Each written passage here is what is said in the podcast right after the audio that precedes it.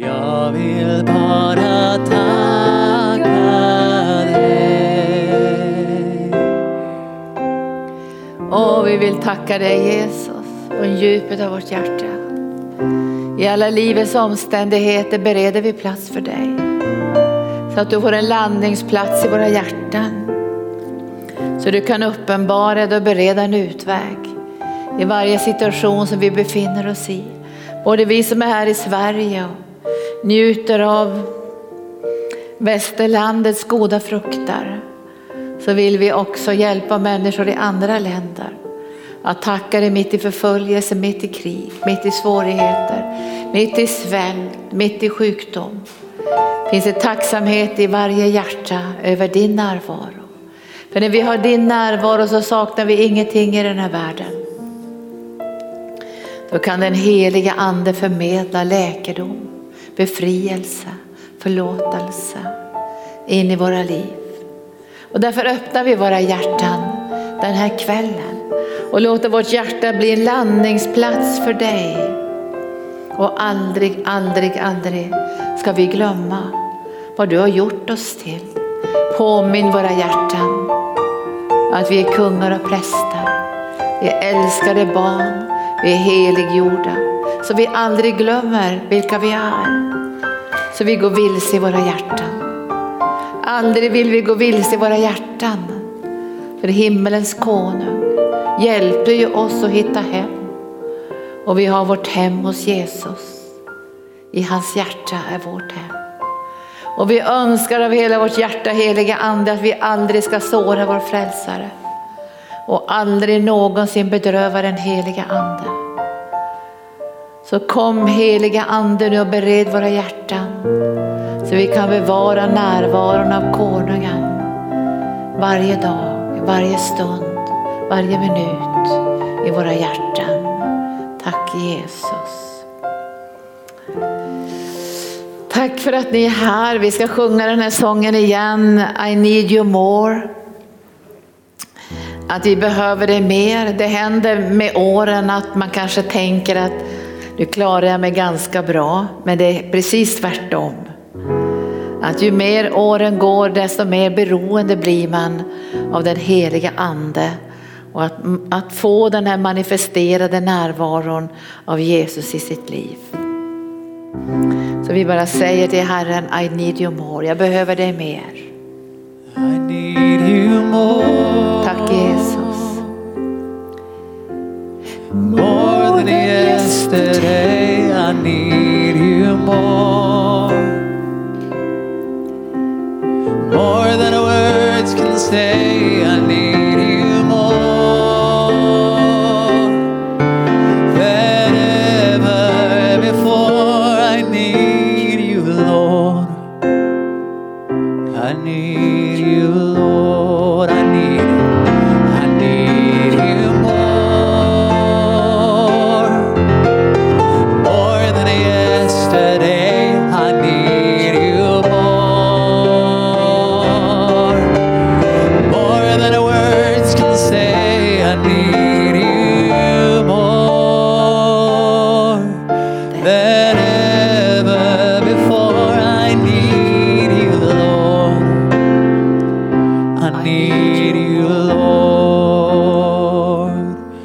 more than the air I breathe, More than the air I breathe. more than the song I sing, More than every joy I have in my life.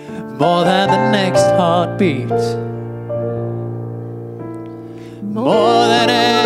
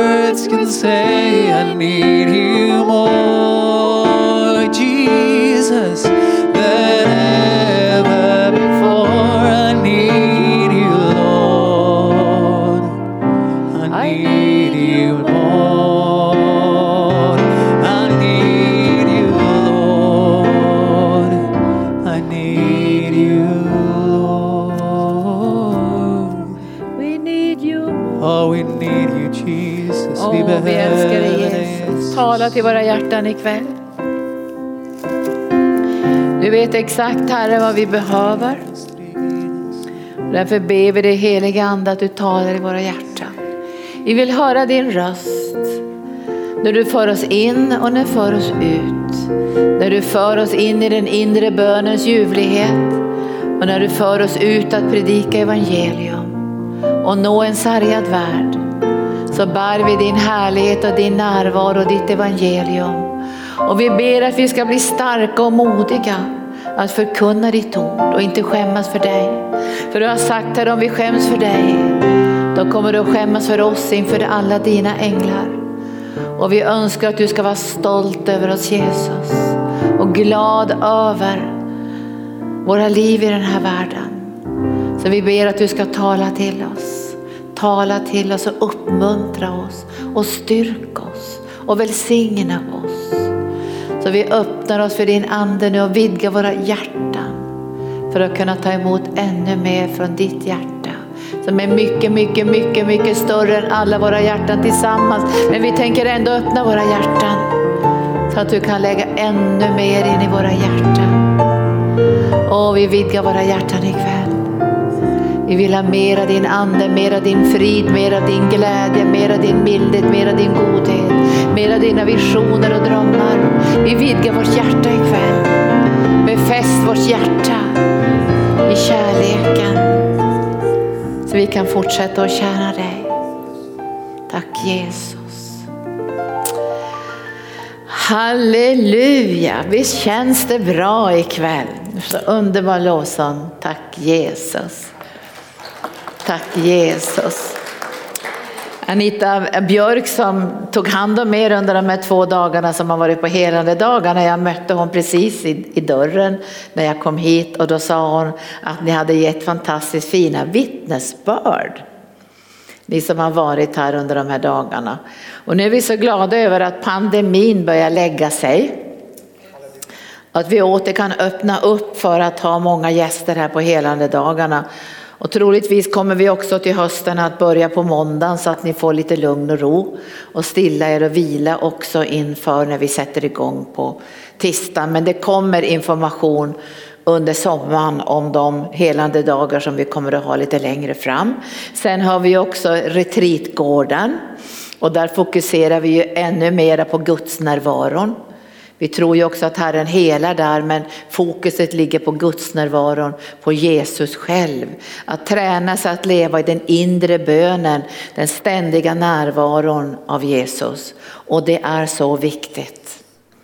När jag gjorde min biografi så skrev jag en dikt där i biografin så skrev jag så här. Jag vill aldrig mer gå vilse i mitt hjärta. För himmelens konung hjälpte mig att hitta hem. Och vi ska tala om det här ikväll att inte gå vilse i våra hjärtan. För man går först vilse i sitt hjärta innan man går vilse på ett fysiskt sätt. Alltså det syns inte på en gång att man har valt fel väg. För det börjar i hjärtat. Så först går man vilse i hjärtat och det betyder att man kan hitta rätt också i hjärtat, eller hur?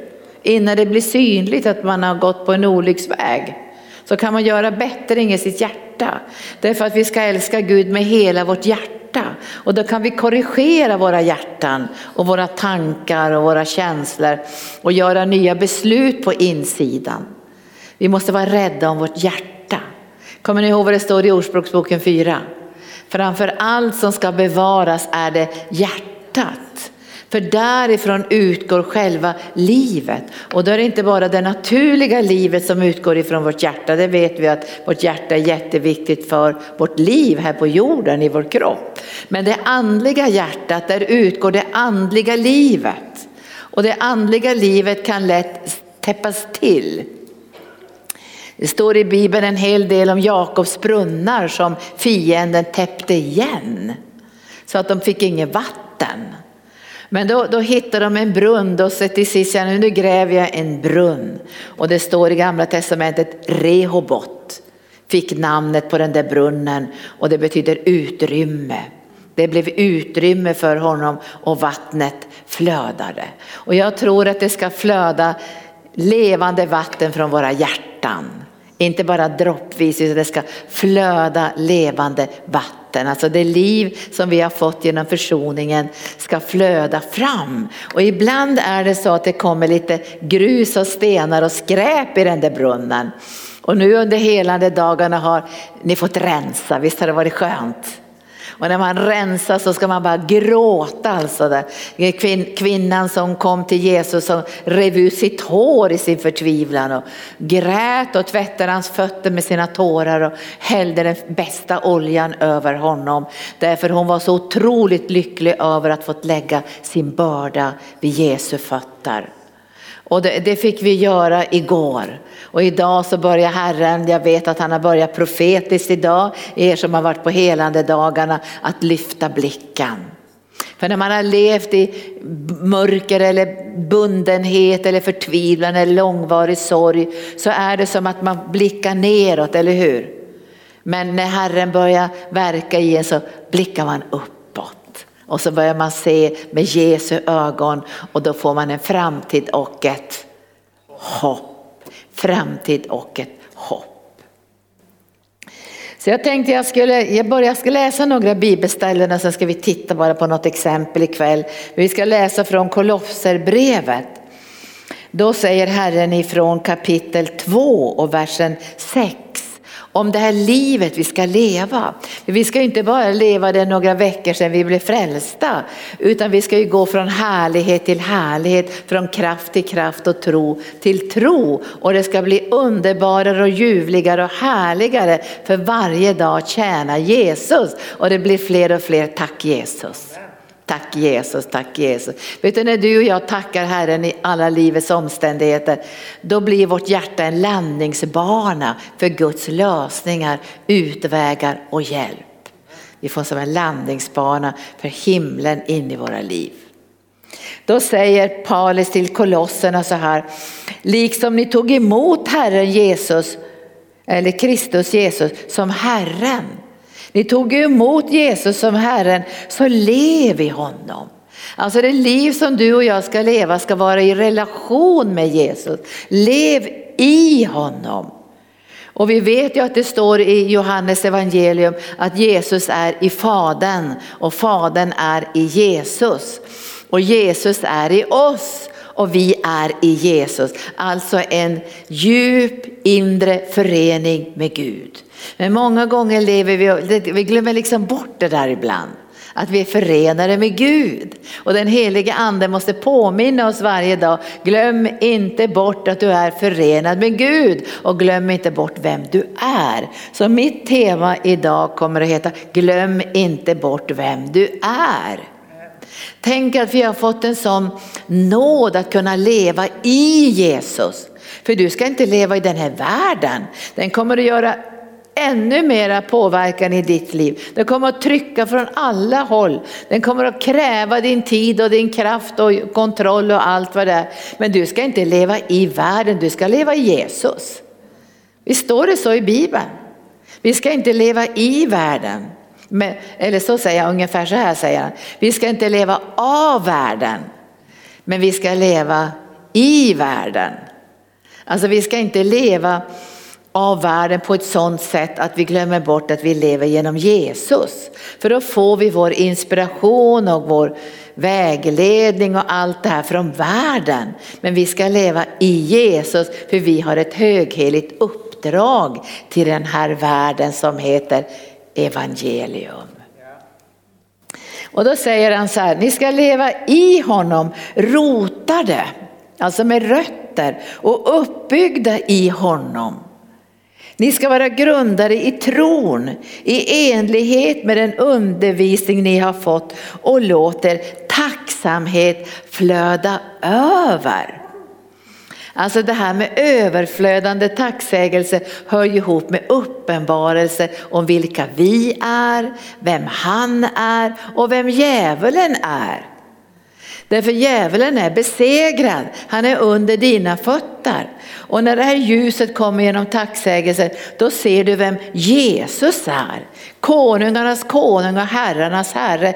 Allt måste böjas i hans namn. Är inte det häftigt? När du får uppenbarelse om det. Och sen börjar du se vem du är. Du är ingen fattiglapp som går och tigger någonstans. Som fort du kommer bland människor i den här världen så tänk, åh den där är ju advokaten, det där är ju doktoranden och, och där är det, det duktiga personen och så smälter du ihop i väggen. Du får aldrig glömma att du är en kung och präst. Rättfärdiggjord av Gud. Ska inte bli imponerad av det som finns i världen. Du ska vara imponerad av det som himlen ger genom Jesus Kristus. Då kan du tjäna alla. För du blir inte imponerad av ytan. Alla människor har samma behov oavsett om de är diplomater eller kungen själv. Så har de samma behov. Och det är samma tomhet som människor kämpar med som bara Jesus Kristus kan fylla med sin närvaro. Och då säger han så här, låt er tacksamhet flöda över. Och jag tycker det är så bra det flöda över, visst är det det? Därför det måste nå andra. Och därför är det inte fel att du på din arbetsplats att de hör ibland tack Jesus. Det är inte fel. De kommer inte avskeda dig för att de hör någon gång då och då tack Jesus.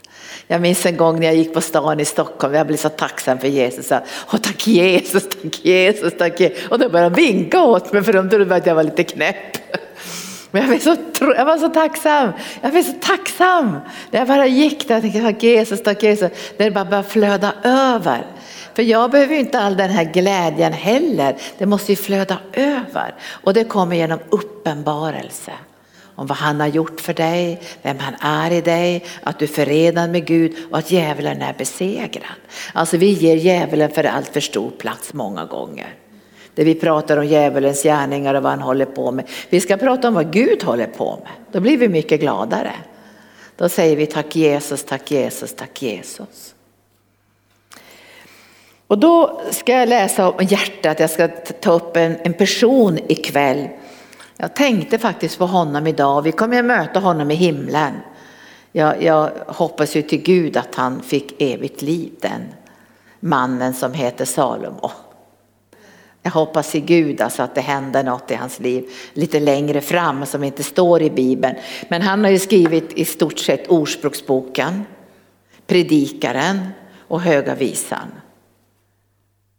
Alltså där finns eh, olika alltså, bitar av den visdomen och den kärleken som han hade i sitt hjärta. Det är väldigt tragiskt att läsa att hans hjärta förleddes bort från Herren när han var gammal. Det står det till och med så att hans hjärta förleddes bort från Gud, alltså han blev förförd. Att lämna Herren och gå på andra vägar. Och jag säger att ikväll så ska du bara göra ett beslut, du ska aldrig någonsin gå på andra vägar i ditt hjärta. Du ska följa Herren. Och när du får uppenbarelse om vem Gud är i dig, när du får uppenbarelse om vem du är i honom och när du börjar se Satan är besegrad, då är det faktiskt inte så lätt att förleda dig heller. Därför du blir inte lockad av det som finns i den här världen. Utan du har redan bestämt dig för, jag ska följa Jesus. Och då står det i Ordspråksboken 3, lite grann bara om hjärtat där. Det står så här, min son glöm inte min undervisning, bevara mina bud i ditt hjärta. Alltså, jag vet idag att man ska inte bevara Guds ord i sitt huvud. Nej, därför att huvudet är ju så här litet. Va? Och man vet aldrig på framtiden vad som händer i huvudet. Alltså du kan förlora allt i en bilolycka. Tappa hela förståndet med Alzheimer. Du kan liksom få en hjärntumör, det kan hända grejer som gör att du kan inte tänka att du ska bevara Guds ord i ditt huvud. För då blir det bara lärostrider och förvirring och allt möjligt. Du måste bevara det i ditt hjärta. När du bevarar ditt hjärta så får ditt förstånd ljus också. För vi har ju förstånd också, visdom och förstånd. Men det måste bevaras i hjärtat så att ditt förstånd blir upplyst av den helige ande genom den förkunnelse du har i ditt hjärta.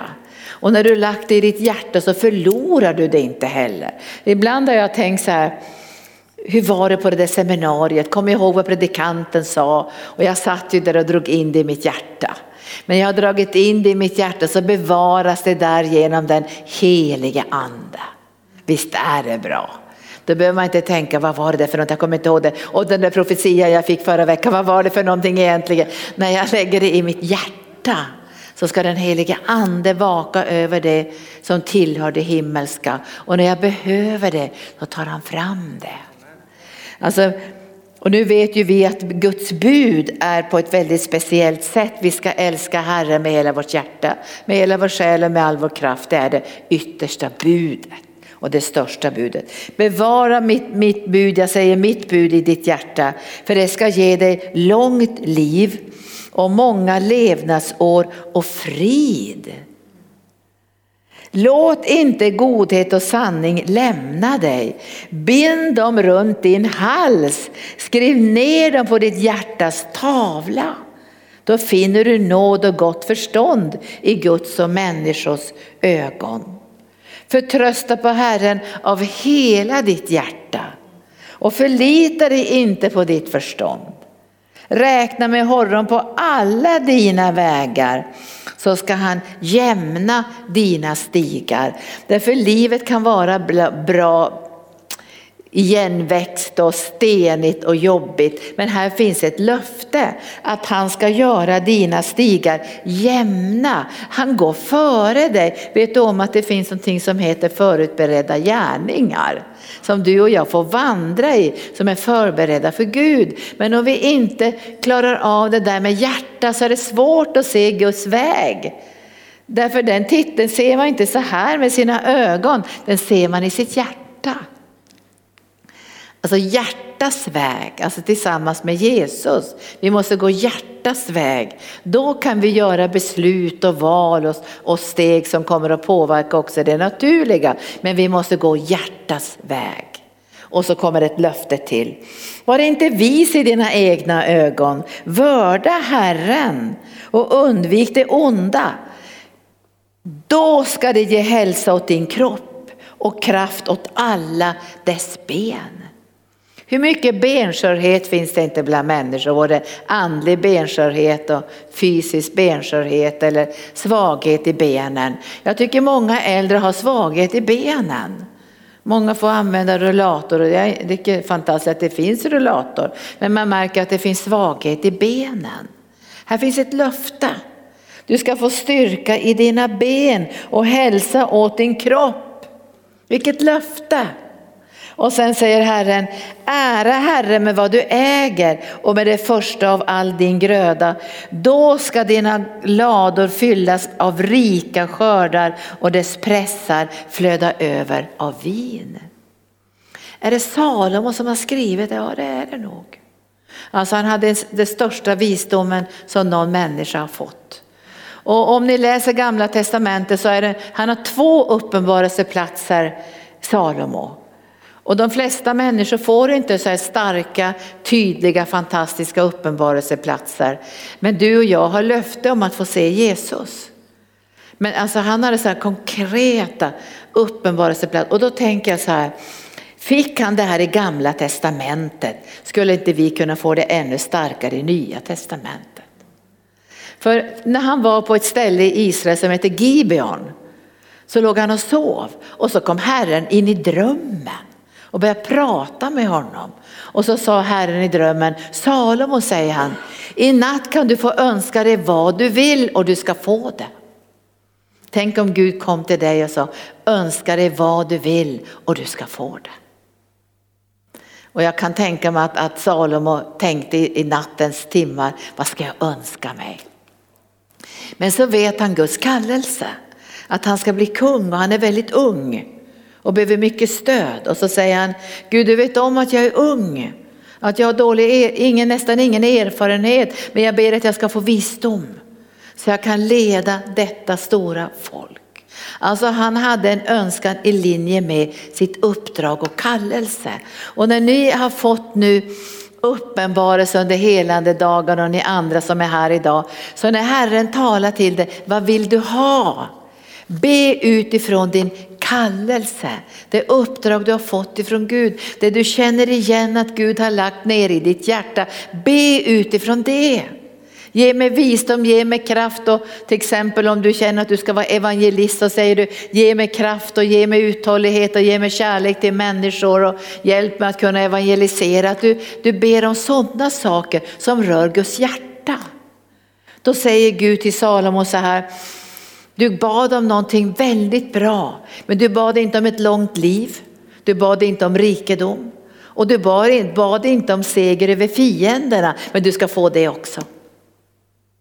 Allt det andra ska tillfalla dig. Kommer du ihåg det? Sök först Guds rike och hans rättfärdighet så ska allt det andra tillfalla dig.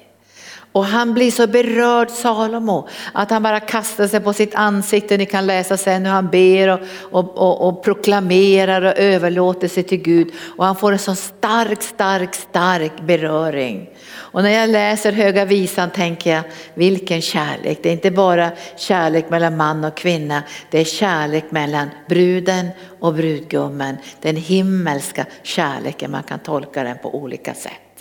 Och sen när han skriver predikaren så skriver han om ett liv utan Gud.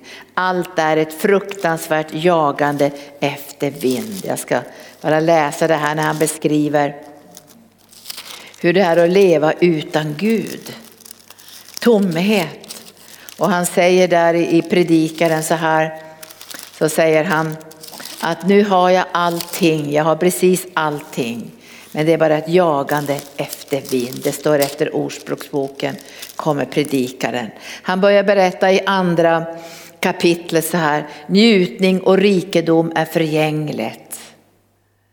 Och så, så tänkte han i sitt hjärta att jag ska göra stora projekt, jag ska bygga hus, jag ska plantera vingårdar, trädgårdar, parker, flukt, fruktträd, vattendammar, växande skog, slavar, slavinnor och tjänare, boskap, oxar och får och, och guld och skatter. Ni kan räkna upp allting. Och sen säger han i elfte versen, när jag såg allt som mina händer hade gjort och på den möda jag hade läckt ner, då var allt förgängligt och ett jagande efter vind. Det finns inget att vinna under solen. Och jag har mött människor som har mångmiljonärer, de har nått höjden av sina karriärer, men de är bara självmordsbenägna. De har allt. Människor ska kyssa deras fötter. Eller hur? Kyssa deras fötter. De skulle få de här killarna som är så upphöjda i sin rikedom och i sin musik eller vad de nu håller på med. De tänker jag har så mycket pengar som helst, jag kan få vilka tjejer som helst, jag kan göra vad jag vill. Så här. Men det är bara tomhet och åter tomhet, ett liv utan Gud. Nu kan vi tänka så här, Salomo, nu kan ju inte han protestera här va.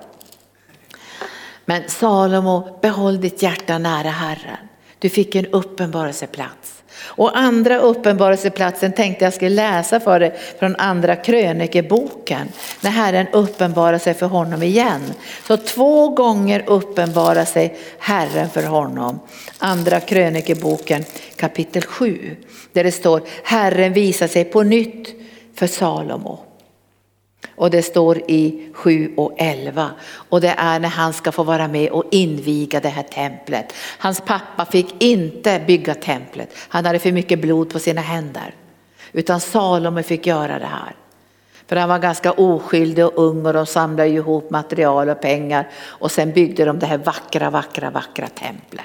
Och när de invigde templet då började Herren att tala till dem. Och Herren säger så här i femtonde versen, mina ögon ska nu vara öppna och mina mina, öron, mina ögon ska vara öppna och mina öron ska, till, ska lyssna vad som bes på denna plats. För jag har nu utvalt och helgat detta hus för att mitt namn ska vara där för evig tid och mina ögon och mitt hjärta ska alltid vara där. Och det blev en sån smörjelse och härlighet att prästerna inte kunde stå på sina fötter. Tänk att få vara med i det och höra Herren säga det. Här ska mitt namn uppenbaras. Här ska mina ögon bli synliga. Här ska, ska min härlighet Alltså, och läkedom ska få flöda. Det säger Herren. Jag har utvalt detta hus, mitt namn ska vara där som över alla andra namn, mina ögon och mitt hjärta. Mitt hjärta ska vara där. Är inte det fantastiskt att veta att mitt ibland oss finns Guds hjärta? Vi tänker många gånger på att hans namn finns där och hans ögon finns där med andens nådegåvor. Men jag känner personligen att vet jag att hans hjärta är där så kan jag hålla mig nära hans hjärta och få en manifesterad närvaro av hans hjärta och kunna utvidga mitt hjärta för att ta emot mer ifrån Herren. Och då säger Gud så här till Salomo. Han varnar Salomo och säger i 19 versen, om ni vänder om ni vänder om och överger de stadgar och bud som jag har förelagt er och går bort och tjänar andra gudar och tillber dem, då ska jag rycka upp dem ur mitt land som jag har gett dem. Och detta hus som jag har helgat åt mitt namn ska jag förkasta från mitt ansikte och jag ska göra till ett ordspråk och en nidvisa bland folken. Här kommer en varning till, till Salomo, överge inte Herren. Och jag tror att när han blev så här stor och pompös och kunde göra allt det här som man kan läsa i predikan så kanske han trodde någonstans att han inte behövde lyssna så noga på Herrens vägledning och Herrens ord. Och därför är det viktigt när du växer i, i, i ledarskap eller får mer av Guds härlighet och närvaro, ödmjuka dig under Guds mäktiga hand. Ödmjukare gång på gång på gång på gång. Därför om du får bära Guds härlighet så blir du också, jag säga, du blir i blickpunkten för mörkrets makter att slå ner dig. För djävulen hatar Guds härlighet och Guds närvaro och Guds hjärta. Mer än någonting annat. Så han vill ha ditt hjärta. Han vill inte ha dina pengar, han vill inte ha dina prylar, han vill inte ha din utbildning, han vill inte ha sånt. Han vill ha ditt hjärta. Får djävulen tag på vårt hjärta, då förlorar vi allt. Och det här händer ju också med Jesus. Ni vet ju när djävulen säger till honom att du kan få allt som du vill, allt, allt, allt, allt, allt. Men du måste böja dig ner och tillbedja mig. Och då säger Jesus, det är bara Gud jag ska tillbedja. Visst är det starkt det? Det är bara Gud jag ska tillbeda och jag ska bara tjäna honom. Så att all tjänst utgår ifrån tillbedjan. Och ibland måste man tänka så här när man är i tjänst, om du är evangelist eller profet eller apostel eller församlingstjänare eller diakon och jobbar i församlingen. Så måste man stanna upp någon gång då och då och tänka, utgår min tjänst från hans hjärta? Utgår min tjänst ifrån tillbedjan? För själva livet ska ju utgå ifrån vårt hjärta. Och därför är det så viktigt för att vi stannar upp och tillber och älskar honom. Vi får inte vara så upptagna som vi inte kan be. Eller hur? Då får vi stanna upp. Idag har vi bett några gånger i, i kyrkan tillsammans med medarbetarna. För det är så jätteviktigt att vi tillbaka till hans hjärta, drivkraften från hans hjärta, ledning från hans hjärta. Tappar vi bort hjärtat så blir allting verksamhet och religion. Det vill vi inte ha va? Hjärtat. Och då ska vi se vad som hände med honom. Jag ska bara för att det är så tråkigt att läsa det här men jag tycker ändå att vi ska se det. Och det står från, från Första Kungaboken 11. Första Kungaboken 11. Första Kungaboken 11 så står det ifrån versen 1. Nu gjorde han inte efter Guds vilja. Och vet du, ibland kan man ju börja på en vandring i sitt hjärta som inte är Guds vilja. För ibland kan man nästan övertala Gud att få gå på fel väg. Alltså det finns någonting också i det här, Gud jag vill göra det här, jag vill göra det här, jag vill göra det här.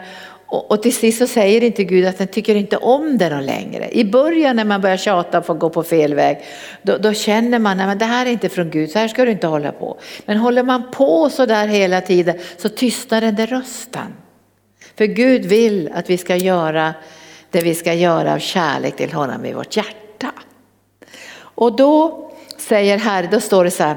Kung Salomo hade vid sidan om faraos dotter många andra utländska kvinnor som han älskade. Moabitiskor, ammonitiskor, edomitiskor, sidonitiskor och hetitiskor. De hörde till folk som Herren hade sagt till Israels barn, ni ska inte gå in till dem och de inte till er eftersom de kommer att förleda era hjärtan att följa deras gudar. Till dessa höll sig Salomo och älskade dem. Han hade 700 hustrur av förstelig rang och 300 bihustrur och dessa kvinnor förledde hans hjärta. När Salomo blev gammal förledde kvinnorna honom att följa andra gudar så att hans hjärta inte förblev hängivet Herren hans Gud som hans fars hjärta hade varit. Nu vet ju inte jag om han gick förlorad för det står ju att hans hjärta blev inte hängivet på det sättet som han var i sin ungdom. Va? Han hade kanske en bit som var hängiven, det tror jag. Men det är ändå tragiskt att läsa det här, att när han blev gammal så förledde de hans hjärta så att han började följa andra gudar. Det hade ju varit en sak om han hade låtit dem bygga upp sina tempel och offerhöjder. Men i och med att han älskade dem så började han följa deras gudar i sitt hjärta. Visst är det tragiskt det här när man läser Höga Visan, när man läser, när man läser eh, Ordspråksboken och ser all den här visdomen. Men kanske han delar det på sitt hjärta. Vi vet så lite om honom. Men jag skulle önska att ni ikväll gjorde ett beslut hela hjärtat. Hela, hela hjärtat ska jag älska dig med. Och det är en proklamation. Och när vi gör den proklamationen så blir det också en hjälp för oss sen. Om, om någon försöker dra i vårt hjärta och påverka vårt hjärta. Då har vi gjort den här proklamationen, hela hjärtat, hela hjärtat. Då kanske djävulen säger, det räcker väl med halva hjärtat. Nej, det ska hela hjärtat. Det räcker väl att jag kan få en liten bit från ditt hjärta. Nej, jag ska älska Gud med hela hjärtat. För det är där som löftet finns, att allt det andra ska tillfalla oss och då kan vi tjäna i relationen med Jesus. Och då tror inte jag att vi ska gå under i stress heller. Det tror inte jag. Nu kommer jag till själva budskapet i min predikan. Glöm inte vem du är. Glöm inte vem du är. Jag tror det är lättare att bevara sitt hjärta om man bevarar kunskapen om, om Gud, vem Gud är, det har vi redan sagt. Men vem du är, för jag tror där kommer det attacker från mörkrets makter. Att attackera dig, anklaga dig, fördöma dig, tysta ner dig, marginalisera dig. Därför om djävulen tänker så här, om de, om de inte vet vilka de är, då blir de inte använda av Gud. Om de inte har kunskap om sin position, om sitt inflytande, om den nåd som Gud har lagt i deras liv, då marginaliseras ni och blir ingenting. Vi kommer, inte, vi kommer knappt att sätta, att Gunnar han var så rolig när han sa, tänk vad trist och det enda spår vi har sagt efter oss är som en snigel. Alltså, det blev ingenting. Men jag ska säga ikväll, ni som är på helande dagarna, det kommer att bli spår efter er. Jag sa en gång, jag var så arg på djävulen, det var så mycket sjukdomar och nöd, så sa jag så här, du har plogat sönder hela Jesu rygg. Hans rygg var som en plogad åker. Nu ska vi ploga din rygg med Guds ord och Guds kärlek och nå människor med evangelium. Vi ska inte gå spårlösa ur den här världen. Tack Jesus ska vara många brunnar och mycket av Guds härlighet och mycket av Guds närvaro. Därför att du börjar veta vem du är. Du är inte vem som helst. Utan Bibeln kallar dig för kung och präst. Där ska vi titta på i första Petrusbrevet och se sen hur uppenbarelseboken lyfter fram det här. Du är en kung och präst, du är inte vem som helst. Jag menar om vi tänker på kungahuset här i, i Stockholm. Då, då beundrar ju folk dem jättemycket, de är kungligheter och får de snyggaste kläderna och klänningar som kostar 20-30 tusen för de är kungligheter. De kör inte någon gammal bil från 2002. Tror du det? Nej.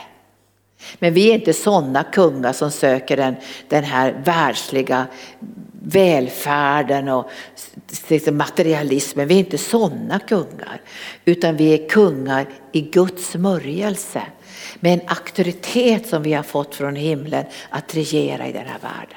Det är sådana kungar vi är. Och våra vapen är inte av den här världen. Det behöver vi också veta.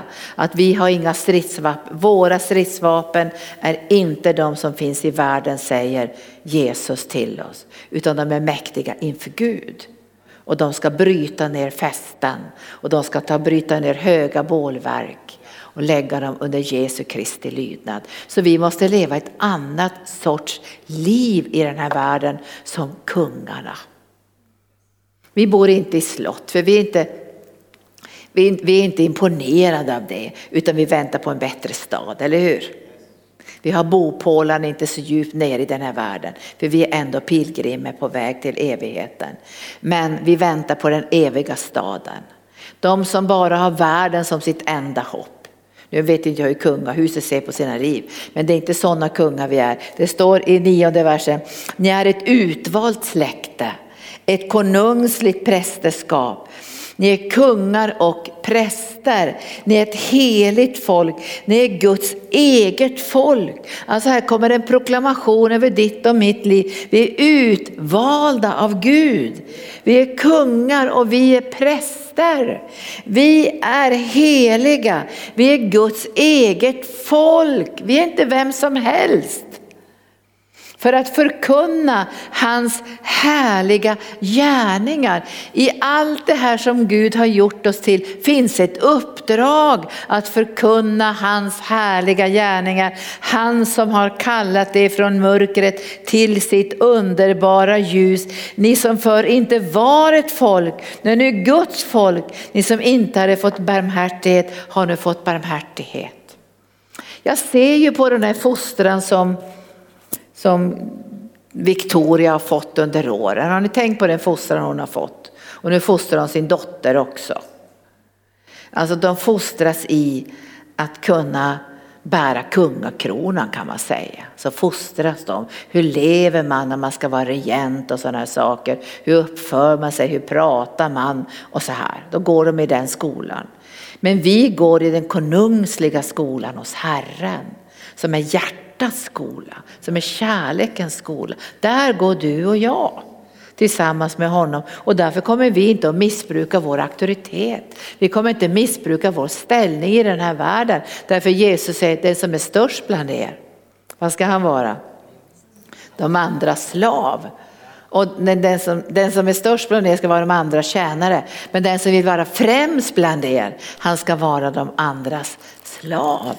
Och när de pratar om storhet i Bibeln och lärjungarna bråkar med varandra, då tar han fram ett barn. Alltså i det här konungsliga så finns det oskyldighet, det finns renhet, det finns helhet. Det är det vi känner igen i det konungsliga därför att det är så vackert. Därför det skiner av Herrens härlighet och i det har du namnet som är över alla andra namn. Där Gud har gett dig ett uppdrag som är så stort så du får använda hans namn som en nyckel. Så att mörkret måste böja sig, sjukdomar måste böja sig, alla djävulens änglar måste erkänna att Jesus är Herre. När du tänker varje dag, jag är konungslig. Jag är utvald av Gud. Och det står ju i Bibeln om kronorna också. För när Herrens härlighet kom så tog de av sig kronorna och bara kastade dem på marken. För den enda som ska bära den högsta konungsliga kronan är konungarnas konung och herrarnas herre. Och ändå delar han sin ära och härlighet med dig. Du är inte vem som helst. Alltså när du börjar se det, jag är inte vem som helst. Och jag är präst. Och jag tillhör alltså säga, Jesus som är överste prästen så jag kan frambära offer inför Herren. Och det står ju så här, det, det offer som vi bär framför Herren är ju lovets offer. Det är framförallt lovets offer som vi frambär inför Herren. Och i detta lovets offer som konungsliga präster så bär vi fram kunskapen om Jesu frälsningsgärning. Genom lovsången, tillbedjan och överlåtelsen så bär vi fram offer. Och pastor Gunnar sa häromdagen, vi pratade om det så sa han, finns det inget offer i kristendomen så är det ingen kristendom. Finns det inget offer? För Jesus säger, om du ska följa mig så måste du försaka allt. Om du vill vinna ditt liv kommer du att förlora ditt liv. Men om du förlorar ditt liv för mig och för evangelium, då ska du vinna ditt liv. Och när vi ser det här, vilket uppdrag vi har, vilka vi är och Gud han räknar med oss så blir det inte så lätt att gå vilse i sitt hjärta. Därför då går man till tack Jesus, tack Jesus, man bara prisar Herren, man bara upphöjer Herren. Tack för det uppdrag jag fått, tack för fantastiska kallelser som finns över mitt liv. Och en dag så ska jag tillsammans med den vita skaran, vitklädda skaran, prisa Herren. Inte i all evighet på det sättet utan allt som vi kommer att göra i den nästa värld utgår ifrån tillbedjan. Det utgår från tillbedjan. En del skrattar och säger, ska vi stå där på glashavet och spela harpa och vifta med palm? Nej, när vi ser in i evighet palmblad, när vi ser in i evigheten så ser vi allting som finns i den här världen har utgått ifrån tillbedjan. Varenda löv som finns utgår från tillbedjan. Det finns inte ett löv som är likt det andra. Har ni tänkt på det? Det finns inte en snöflinga som är lik den andra. Det finns inte en fågel som är lik den andra även om det är samma sort. Därför att allt har kommit till genom Guds tillbedjan, änglarnas tillbedjan, kärlekens tillbedjan. Och därför kommer allt som vi kommer att göra i nästa värld kommer att utgå ifrån tillbedjan och kärlek till Jesus. Och det här övar vi på nu och vi, därför går vi inte vilse i våra hjärtan. Och, och vi får inte vilse det, nu ska jag ha de här prylarna och allt det här. Det är bara tomhet. Det är för många som tar livet av sig nu som har allting. Och många som är fattiga tar inte livet av sig, det finns ett hopp i deras liv. Att kanske jag får bättre längre fram. Men de här som har nått toppen i det, utan Gud så är det en fruktansvärd tomhet som infinner sig. Och jag lyssnade på tv, det var någon sån där kändis som skulle berätta för Malou. Kommer inte ihåg vad kändisen hette men det var ganska bra det han sa. Det var en ganska ung kille så sa han så här jag hade allt som kändis. Jag kom in överallt och jag hade pengar och allt där. Och så sa han, men jag hade en sån fruktansvärd tomhet och ingen glädje. Så pratade han med sin manager så sa han, om du hittar någon i den här branschen som är lycklig, då stannar jag kvar. Och då hade hans manager sagt så här, det finns ingen i den här branschen som är lycklig. Då lämnade han den. Nu vet inte jag om han blev frälst, det sa han ingenting om. Men, men jag tror ändå att går vi på den här vägen så blir det inte tomhet i våra liv utan vi kommer uppfyllas allt mer av den helige ande. Så lovsången, tacksägelsen, vissheten om vilka vi är. Det här gör också att du inte blir svansen. Det står i Bibeln, du är, du är huvud och inte svans. Du är över och inte under. För när du börjar tänka att du tillhör den konungsliga himmelska släkten, då böjer inte du dig under vad som helst. Har du tänkt på det? Om det kommer människor som manipulerar, inte böjer du dig under det. När det kommer människor som är onda och talar negativa ord, inte böjer du dig under det. Därför du är konungs släkt. Du har hört vad Herren har sagt till dig. Ja, du är godkänd, du är älskad, du är dyrbar, jag vill använda det. Det ekar ju kraftigare i ditt hjärta än att någon som är sur eller skickar någon hatgrej till dig. Det bryr väl inte du dig om när du har hört från himlen vem du är. Och därför vill vi höra mer och mer och mer från himlen vilka vi är, för annars blir det sånt tryck emot oss. Och så negativa krafter som skäl ifrån oss det som är vårt. Och då tar vi till sist i, i Uppenbarelseboken och det här stället har vi talat mycket om i arken i och med att vi har skrivit en bok just om det här, kapitel 5. Vad Gud har gjort oss till.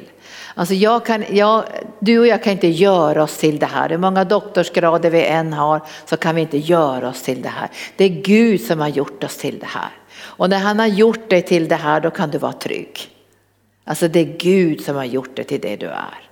Och då står det så här i, i fem, vi läser bara fem och nio och framåt. Och den, den nya sången till lammet. och de sjöng en ny sång. Alltså du måste veta att det är en ny sång. Den gamla sången i hela gamla testamentet var du duger inte, du klarar inte av det här. Det var lagen, fördömelsen. Och jag tror människor idag lever lite under lagen i fördömelsen, kraven, jag klarar inte av det här, jag duger inte. Det är den gamla sången. Nu ska du sjunga den nya sången och den gör dig väldigt glad. Jag accepterade Gud, jag är köpt med hans blod, jag är rättfärdiggjord, jag är kung och präst, jag ska göra hans gärningar i den här världen. Det är den nya sången. Judarna sjöng den gamla sången, alltså längtans sång framåt. Messias ska komma och då ska det förändras och vi ska få ett nytt hjärta. Det är gamla testamentet. Du har fått ett nytt hjärta redan. Och du ska vara så rädd om det här nya hjärtat. Därifrån utgår livet. Och så står det, då står det så här om Jesus. Du Jesus är värdig att ta bokrullen och bryta det sigill. För du Jesus har blivit slaktad och med ditt blod har du friköpt människor åt Gud. Jag är inte friköpt åt världen. Jag är friköpt åt Gud. Han har friköpt mig åt Gud.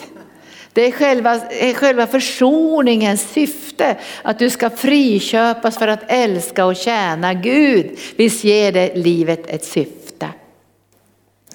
Och så säger han, du har friköpt människor åt Gud av alla stammar och språk och länder och folk. Och du har gjort dem till ett kungarike och till präster åt vår Gud och de ska regera på jorden. Det står inte att de ska regera i himlen. Vi måste regera på jorden för att kunna utbreda Guds rike. Vi kan inte bara marginaliseras någonstans. Vi måste inta den plats som Gud har gett oss att bygga Guds rike i den här världen för att hans härlighet ska bli synlig. Visst låter det bra? Så man känner, nu får det vara nog. Nu är inte jag någon svans då länge som viftar lite grann där och försöker ställa in mig i världen. Nej, tack och nej. Jag är huvud och inte svans. Jag är över och inte under. Jag vet vem jag är, men utan högmod, utan arrogans och utan maktmissbruk böjer jag mig under konungarnas konung och intar min plats. Jag tror det blir vackert då. Och så säger han, nu, nu är vi i himlen en liten stund. Och jag såg och jag hörde rösten av många änglar runt tronen och varelsen och de äldste. Och deras antal var 10 000 gånger 10 000 och 1000 gånger 1000 och de sa med stark röst. Lammet som blev slaktat är värdigt att ta emot makten, rikedomen, visheten, kraften, äran, härligheten och lovsången och allt skapat i himlen och på jorden och under jorden och på havet och allt som fanns i dem hörde jag säga honom som sitter på tronen, honom och lammet tillhör lovsången och äran och härligheten och makten i evigheternas evigheter. Och de fyra, äldst, de fyra varelserna sade amen och de äldste föll ner och tillbad. Det här är liksom en väldigt vacker, vacker text det här. Därför att du och jag tar inte det här till oss. Alltså när vi ber i arken så säger vi Öppna de portar som ska öppnas för arken och gå före genom de portarna Jesus så följer vi efter. Vi vill inte gå in genom portar som vi själva har öppnat. Vi vill inte tränga oss in och göra oss till något som vi inte är. Vi vill inte, det vill inte vi. Så vi säger öppna de portar som du har öppnat och stäng de portar som vi aldrig ska gå igenom. Och så höjer vi de portarna och så ser vi ärans konung. Och då kan vi gå in i det uppdrag och den kallelse som är vår. Därför vi följer Herren. Men det är Gud som har gjort dem till ett kungarike. Det är Gud som har gjort dem till präster. Det är Gud som har gjort oss till det vi är. Och då behöver vi inte tänka, ja men jag är inte värdig. Om han har gjort dig värdig genom sitt blod, då får du inte gå in i falsk ödmjukhet och säga, ja men jag är så dålig, jag kan ju ingenting. Vi får be Gud om förlåtelse för det. Därför han har gjort oss till någonting helt annorlunda än det vi var innan vi blev frälsta. Då fick vi säga, nu måste jag utbilda mig, jag måste klara det här och jag måste sträva efter det här. Jag är inte emot utbildningar, det behöver vi. Men de måste läggas på altarplatsen så vi kan göra oss beroende av Gud och använda våra resurser, våra pengar, vår kallelse, våra gåvor i tjänsten för honom. Så ikväll säger jag, glöm inte vem Gud är och glöm inte vem du är. Glöm inte vem du är. Och ni som är på helande dagar nu kommer jag befästa profetorden. Ni ska inte tappa bort dem. Ska vi befästa dem och vi ska smörja er och befästa också er andliga kärleksrelation med Jesus. Framför allt som ska du bevara, bevara ditt hjärta. Och jag, jag tänker, hur ska jag kunna bevara mitt hjärta? Jag har lärt mig två sätt nu som är bibliska. Det ena är tacksägelsen, det andra är lovsången. Att jag har det som en, ett flöde i mitt liv, då vet jag att jag kan behålla också det som Gud har lagt i mitt hjärta och förvalta det väl. Så nu ska ni få förbön. Och känner du så här idag, men Jesus jag gör, jag tycker jag har gått lite vilse i mitt hjärta. Ja men det är ingen fara om du har gått vilse i ditt hjärta, för himmelens konung ska hjälpa dig att hitta hem. Och så är det en liten korrigering. Jag, jag har ju orienterat när jag var ung och kom man lite fel i kompassen så hamnar man jättefel. Inte från början, men så efter ett tag så kom man otroligt fel. Därför att man satte in liksom det blev fel på början. Så hamnar man lite, lite, lite fel så märker man, det blir inte på en gång så här. Utan det blir bara lite grann i taget och då märker man, nej men vad är det nu? Nu har jag börjat gå vilse i mitt hjärta. Jag är på väg någonstans dit jag inte vill gå. Ja men bara stanna upp då och säg Herre, nu ser jag att jag håller på att gå vilse, jag har tagit felsteg här. Men nu Herre kommer jag tillbaka till dig. Visa mig kartan och visa mig kompassen och visa mig ditt ansikte så är vi på vägen igen. Tack Jesus. Då tar vi och överlåter den här bönestunden till Herren. Jag bara tackar dig Herre för alla heladagsgäster som har varit här, som har fått möta din kärlek så djup och underbar. Som har känt den här nåden att få tömma ut allt skräp och alla stenar och allt som har täppt till den här brunnen av härlighet och Guds närvaro. Och sen har du visat dem på det höga berget, någonting av deras framtid och drömmar och du har befäst i dem och hjälpt dem att se vad du redan har lagt i deras liv så att de kan vattna de frön som är nedlagda inom dem kanske sedan många år tillbaka. Och nu har du sagt att det ska bli frimodighet. Frimodighet. Och vi tackar dig Gud för att du ska hjälpa oss att inte älska någonting som, Salus, som Salomo älskade, som börjar älska det som du inte älskade. Jesus, du älskade inte att han skulle ta till sig alla de här kvinnorna. Jag ber dig ikväll heliga ande, hjälp oss ikväll att inte älska det som du inte älskar. Hjälp oss att älska det som du älskar, men avvisa det som du inte älskar. Och vi ber att du ska hjälpa oss att se det som du inte älskar, även om det är attraktivt, även om det tar våra ögon, även om det river i vårt hjärta så vill vi ändå få hjälp från dig så vi inte älskar det som du har avvisat. Att vi inte tar någonting av det till spillogivna för du till och gav ju många saker i gamla testamentet och sa rör inte vid det här, det är till spillogivet. Och är det något som är till spillogivet Herre så får du bara säga till oss, gå inte på den här vägen, rör inte vid det här. Men nu tänker vi bevara våra hjärtan inför dig i tacksägelse och i lovsång och i överlåtelse och vattnet. Selokoria, bretoster och gaidia, ja det ska flyta fram. Som levande vatten ska det flyta från ditt hjärta. Och du kommer aldrig att glömma vad du, att Gud har gjort dig till kung och präst. Att bära fram offren av lovsång och tillbedjan och förkunna hans mäktiga gärningar som har kallat dig från mörker in i det underbara ljuset och bära hans härlighet i en värld som mörknar allt mer. Det är våld och mörker och krig och förtryck. Där ska du och jag inte vara. Vi ska bereda en plats för frälsaren så han kan uppenbara sin härlighet. Tack Jesus. Nu Rut så gör vi så här, vi ber med handpåläggning. Tack Jesus. Och vi prisar dig Jesus, tack Jesus, tack Jesus.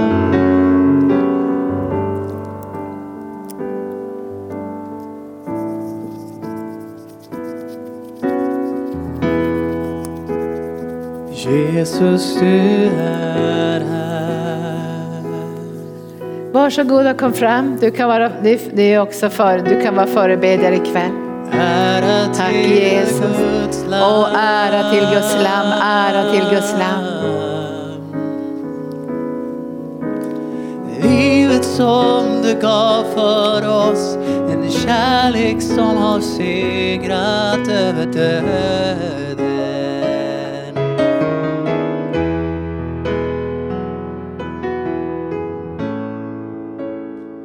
Jesus, du